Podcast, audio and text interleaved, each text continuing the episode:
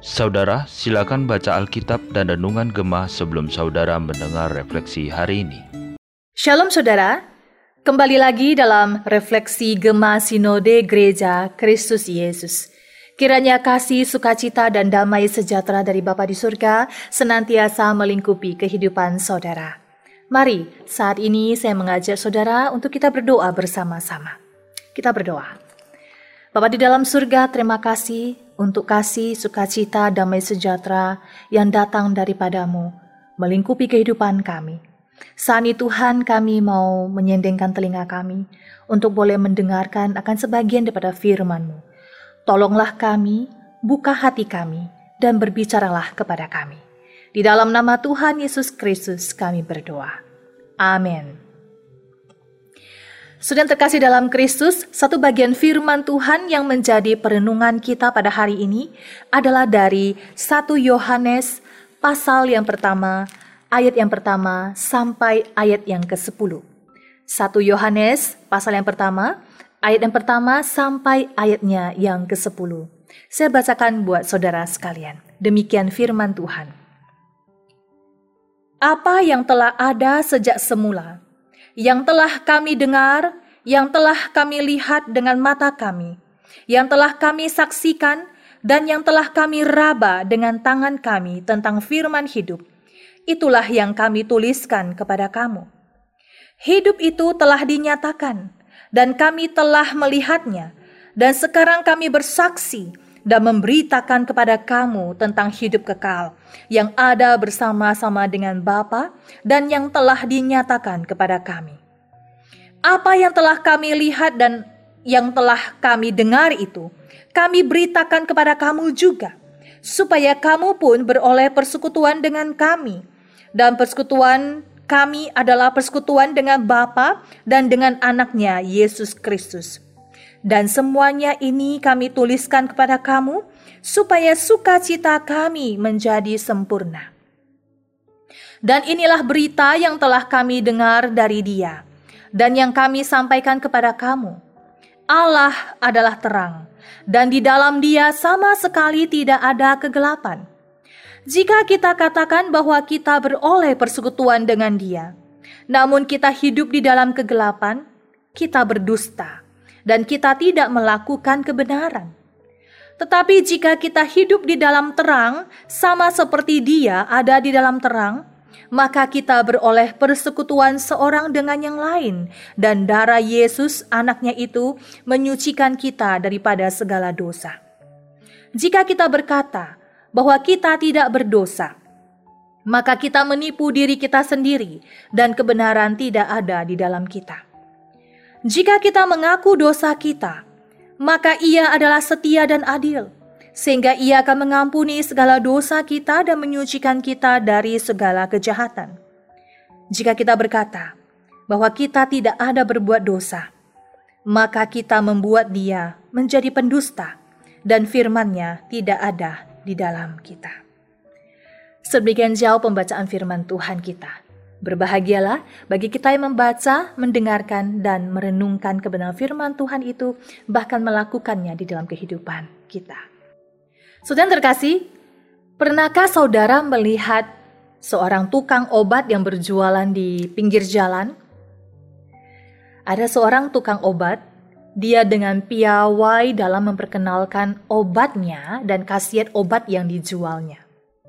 Dia katakan begini, dijual, dijual obat penumbuh rambut, sekali pakai langsung panjang 10 cm. Saudara, herannya banyak juga orang yang percaya dan kemudian membeli obat tersebut.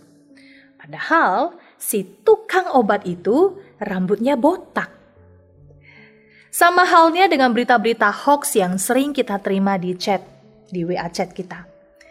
Karena saking panasnya berita yang disampaikan, kita mudah sekali percaya tanpa tahu kebenaran berita tersebut. Banyak pengajaran ataupun berita-berita yang kita terima tentang siapa Allah. Namun bagaimana kita yakin apakah pengajaran atau berita tersebut adalah benar? Dalam satu Yohanes pasal yang pertama, ayat yang pertama, Rasul Yohanes dengan berani dia mengklaim bahwa berita yang disampaikannya itu adalah benar. Karena ia sendiri sudah mengalami apa yang dia saksikan.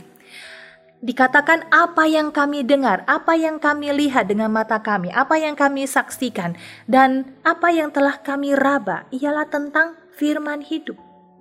Mungkin kita bertanya, bagaimana bisa Yohanes mengklaim dirinya mendengar, melihat, dan meraba Allah yang adalah roh itu? Allah yang diberitakan oleh Yohanes ialah Allah yang hidup, yang berinkarnasi, turun ke dalam dunia menjadi manusia. Dialah Yesus Kristus.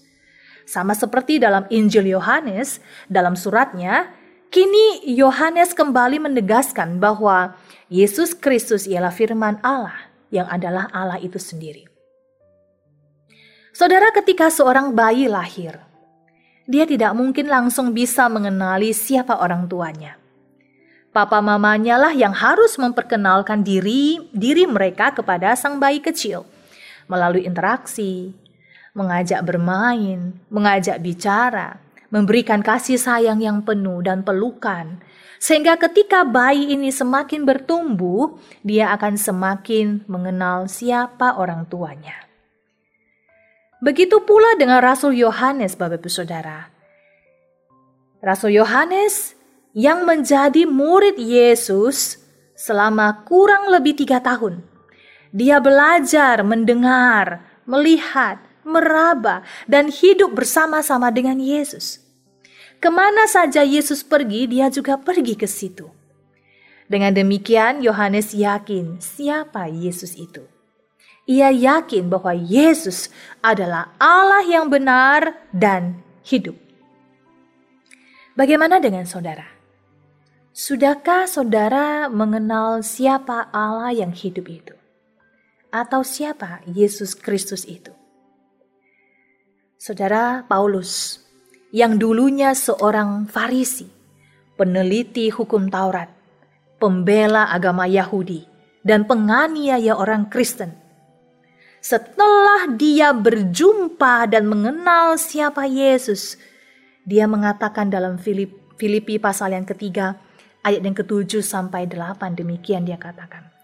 Tetapi apa yang dahulu merupakan keuntungan bagiku, sekarang ku anggap rugi karena Kristus. Malahan segala sesuatu ku anggap rugi karena pengenalan akan Kristus Yesus Tuhanku lebih mulia daripada semuanya. Oleh karena dialah aku telah melepaskan semuanya itu dan menganggapnya sampah supaya aku memperoleh Kristus. Saudara yang terkasih, pengenalan akan Kristus mengubahkan kehidupan Paulus. Hal ini selaras dengan apa yang diberitakan oleh Rasul Yohanes tentang siapa Yesus. Hal yang pertama, Kristus mati dan bangkit untuk memberikan kepada kita kehidupan yang kekal. Setiap orang yang menerima anugerah keselamatan dari Kristus akan memperoleh persekutuan dengan Allah dan dengan saudara seiman. Persekutuan dengan Allah ialah kehidupan yang berelasi dengan Allah. Semakin hari, semakin mengerti, semakin mencintai, dan mau melakukan kehendak Allah. Persekutuan dengan sesama manusia membuat kita semakin saling mengasihi, saling menopang untuk bersama-sama menyaksikan siapa Yesus bagi dunia ini. Hal yang kedua, Kristus ialah sang terang.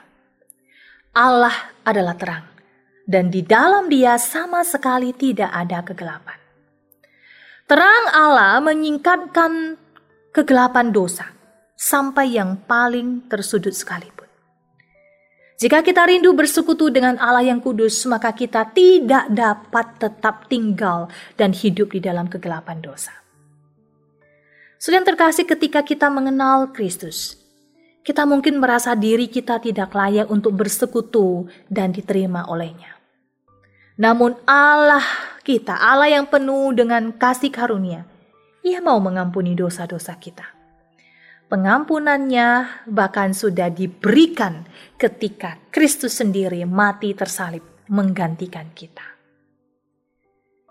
Saudara yang terkasih, Rindukah saudara memperoleh hidup kekal dan bersekutu dengan Allah yang hidup?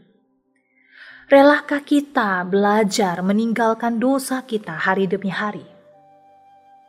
Saudara terkasih dalam Kristus, pengenalan akan Allah yang benar tidak hanya melibatkan rasio atau akal pikiran kita, tetapi juga melibatkan hati dan kehendak kita untuk diubahkan sesuai dengan kehendak Allah. Semakin hari, semakin kenal Allah, semakin hari, semakin diubahkan olehnya. Mari kita berdoa. Bapa di dalam surga, terima kasih.